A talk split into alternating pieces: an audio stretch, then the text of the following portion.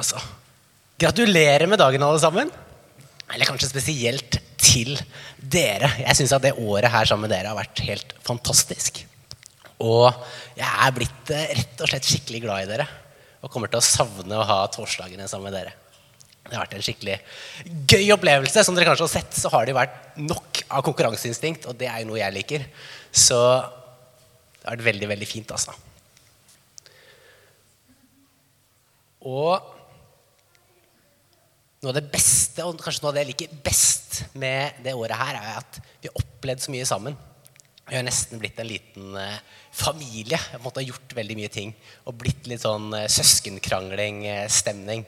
Det syns jeg har vært veldig, veldig gøy. Og dette her er jo kanskje slutten, eller det er faktisk slutten av tentroåret. Og nå begynner jo faktisk starten på resten av livet. Og dere er jo i en fase og en prosess hvor dere skal forme deres eget liv veldig og ta veldig mange valg som avgjør tida videre. Derfor har jeg lyst til å dele et par ord med dere og en bibelhistorie. Og Bakgrunnen for historien er at Jesus og disiplene de er sammen og de er ute i ørkenen. Og ryktet har gått rundt om det. og Folk er kommet fra milevis rundt for å på en måte høre Jesus. Og det er tusener av folk. Nå det det blitt kveld, og de er på vei til et nytt sted. Og det er der vi kommer i historien i Markus kapittel 4. Der står det samme dag da det ble kveld, sa han, altså Jesus, til dem, la oss sette over til den andre siden av sjøen. De lot folkemengden bli igjen tok han med seg i båten der han satt. Også andre båter fulgte med. Da kom det en voldsom virvelstorm, og bølgene slo inn i båten, så den holdt på å fylles. Jesus lå og sov på en pute bak i båten. Det er lurt å ta med pute overalt. De vekket ham og sa til ham, 'Mester, bryr du deg ikke om at vi går under?' Da reiste han seg, truet vinden og sa til sjøen, 'Stille.' Vinden la seg, og det ble blikk stille. Så sa han til dem, 'Hvorfor er dere så redde? Har dere ennå ingen tro?' Da ble de grepet av stor frykt og sa til, hverandre, 'Hvem er han?' Så Jesus han leder de altså inn i en plan om å komme fra A til B. Og så blir de ganske overraska og overvelda. Og det kommer en dritsvær storm. Og jeg syns at Bibelen har noen morsomme detaljer noen ganger. enn hentet det så vidt i stad. Det har med pute på båter. Genialt. Stefaren min er litt sånn, han har en superkraft. Jeg vet ikke om noen av dere også har den. Han kan sovne hvor som helst, når som helst, rundt hvem som helst. Er det noen andre som har den superkraften? Konfirmantene har ikke det, særlig jentene. Den bankinga du sa, det var ca. klokka tre på natta, var det ikke det? Det var noe sånt. Og Jesus han sovna rett og slett. Og disiplene de klikker jo i vinkler. De blir så sure. De blir nesten forbanna og tenker hvordan Åh, Litt sånn som når du har en tenåring som du har prøvd å vekke ti ganger på lørdag, som ikke står opp. Og så river du puta vekk. og Det tipper jeg du gjorde med Jesus. Kaster ham bort og sier, 'Hei, våkne opp, da! Kan ikke sove nå.' Og så kanskje har de mest lyst til å bare kaste puta på Jesus, for de er så frustrerte og så sure. Og så tenker de etter, da. Når Jesus våkner og er litt sånn, sikkert litt sånn ør, og litt sånn, og han sier 'stille', og så plutselig så blir det helt blikk stille. Og så tenker de Hva skjedde egentlig nå? For det var en svær storm, og nå er det ikke det. Og så tenkte de Hvem kan denne fyren her være? Og det er kanskje det vi har snakka mest om det året her på Tentro. Hvem er egentlig Jesus? Denne personen som levde for 2000 år siden, som har forandra og forma verdenshistorien mer enn noen annen person. Hvem er egentlig han? Og svaret på spørsmålet 'Hvem er Jesus?' det har jo potensialet til å forandre retning og påvirke livet en har. Og jeg tror at Jesus kaller hver enkelt en av oss til å faktisk følge etter han. Og I denne historien så peker Jesus på en retning og en vei at dette er veien vi skal gå. Og det å være ung og kanskje konfirmant betyr jo som sagt at du har veldig mange valg. Veldig mange muligheter. Og man prøver å finne ut Hva er det jeg skal med livet mitt? Det er veldig mye jeg. Hva skal jeg med livet mitt? Hvem skal jeg være? Og så blir det sånn derre jeg, jeg, jeg og meg, meg, meg. Og så er det jo utrolig Det hadde jo vært kjipt å bare prøvd å leve noen andre sine liv. Vi er jo kalt til å leve våre egne liv. Men det tror jeg bare er halve sannheten. For hvis vi har mål i livet som kun handler om oss selv, er det ikke da et selvmål? I hvert fall dere tre gutta som eh, spiller mye fotball, vet jo at selvmål er ikke så bra. Er dere ikke enig? Så det å på en måte ha mål, ha ting i livet som handler om mer enn bare seg sjøl, det tror jeg er viktig. Og jeg tror at Det å bestemme seg for å tro på Jesus og følge etter han, det er et retningsvalg som kan påvirke livet. Og kanskje noen av dere har tatt den bestemmelsen kanskje før Tentro, kanskje under Tentro. Kanskje noen tror litt, ingenting. Kanskje det er sånn i salen nå at noen er i kirka hver søndag, noen er aldri i kirka omtrent, eller tror litt eller ingenting.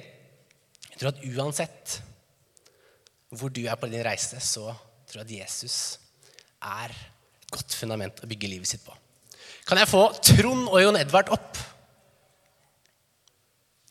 For Jesus han sier en plass i Bibelen at det å stole på han og bygge livet sitt på han, det ligner litt på det å bygge huset sitt på et fjell. For når det kommer storm, når det kommer regn osv., så, videre, og så, videre, så er det noe som er forskjell. Det er forskjell på om du bygger et hus på sand eller stein. For hvis du ser på Jon Edvard nå Hvis vannet kommer over han, og vannet kommer over Trond og vannet kommer over Trond. De opplever jo akkurat det samme, gjør de ikke det? Men forskjellen er jo ganske stor, er det ikke det? Kan vi gi det en liten klapp? Særlig Jon Edvard, tenker jeg. Og jeg tenker Disiplene syntes det var ganske spennende og fint å følge Jesus. For Jesus var populær, det var på en måte var samla masse tusen folk. Og nå var de liksom der i VIP-klubben og var aleine med Jesus i båten og tenker at yes, det her blir fint. Så gikk det ikke akkurat sånn som de forventa eller håpa på. Det kommer storm. De har kanskje akkurat lagt ut rett før stormen kommer, så har de sikkert lagt ut på Story bare livet med Jesus. Et eller annet sånt. Men så kommer det storm, og det er ikke sånn som de forventa. Og sjokket er stort. Og kanskje er det litt sånn lett da, når jeg på en måte bruker den illustrasjonen der, eller når en hører taler i kirker, at livet med, så lenge en tror på Jesus, så blir livet helt fantastisk. Liksom. Det tror jeg ikke noe på i det hele tatt. At det er sånn. For sannheten er at alle møter sine stormer. Og det er kanskje ikke det du mest oppmuntrende du kan høre på en sånn eh, konfirmasjonsdag, som egentlig er en festdag. Men livet kommer til å få sine utfordringer og sine stormer. Men det som jeg synes er så fantastisk med denne historien, er at Jesus er faktisk i båten. Selv når det stormer. Og kanskje er det den beste konfirmasjonsgaven dere kunne få. En som har lova å være med alle slags dager, om vi føler det, om vi ikke føler det. En klok mann som heter Per Arne Dahl, han sa det en gang at jeg vet ikke hva som jeg vet ikke hva som skal møte meg alle mine dager, men jeg vet hvem jeg skal møte alle dager sammen med. Det er Jesus. Han er til stede. Hvilken gave. Fordi vi lever jo i en kultur som er Vi er jo mer tilkobla på en måte, mer connecta enn noen gang. Men samtidig så kjenner flere og flere på at de er fjernere og fjernere. En skal jo på en måte Det en gjør her og nå, skal jo vises til folk i hele verden. Men så er det flere og flere som likevel kjenner at de er ensomme, selv om de har flere venner enn noen gang. En savner kanskje det å ha noen som faktisk er til stede. Og venter på en eller annen respons fra en eller annen plass. Men Jesus han er faktisk til stede. Og fordi at han er der, så trenger ikke vi å være aleine. Jeg husker første tentrosamling vi hadde. Så var første ting jeg snakka om Husker dere hva det var? Det tipper jeg dere har glemt allerede. Men det jeg i hvert fall snakka om, det var at Tenk deg det, da! At den Gud som skapte universet, ønsker å ha noe med meg og deg å gjøre. Er ikke det rimelig sprøtt? Hvis du, hvis du på en måte virkelig tenker gjennom det, så er det sånn Det er jo nesten for stort, nesten for godt til å være sant. Og så vil jeg bare si, litt sånn, nå går, nå går jeg mot slutten, at ikke bli sint på Jesus fordi han ikke får panikk når på måte livet stormer, når det er utfordrende. Jeg vet ikke åssen det er med deg, men når jeg er på legevakta, så er jeg ganske glad for at sykepleierne og legene ikke stresser helt, helt vilt, liksom. Så fort jeg kommer inn og har eh, jeg vet ikke, et eller annet Jeg føler sjøl det er veldig stort, men at de er profesjonelle, de vet hva de skal gjøre. Og det skaper en trygghet. Jeg er så glad for at de ikke er som mamma, liksom, som bare Aah! tenker Nå er det tre verdenskrig, og på en måte nå faller verden sammen fordi du har et kutt på fingeren. liksom. Det er noen som er sånn. Men jeg er så glad for at Gud er Jeg er så glad for at Jesus ikke får panikk. Og Hvis Gud hadde fått panikk i livet mitt, så hadde jeg blitt litt bekymra sjøl. er du ikke enig?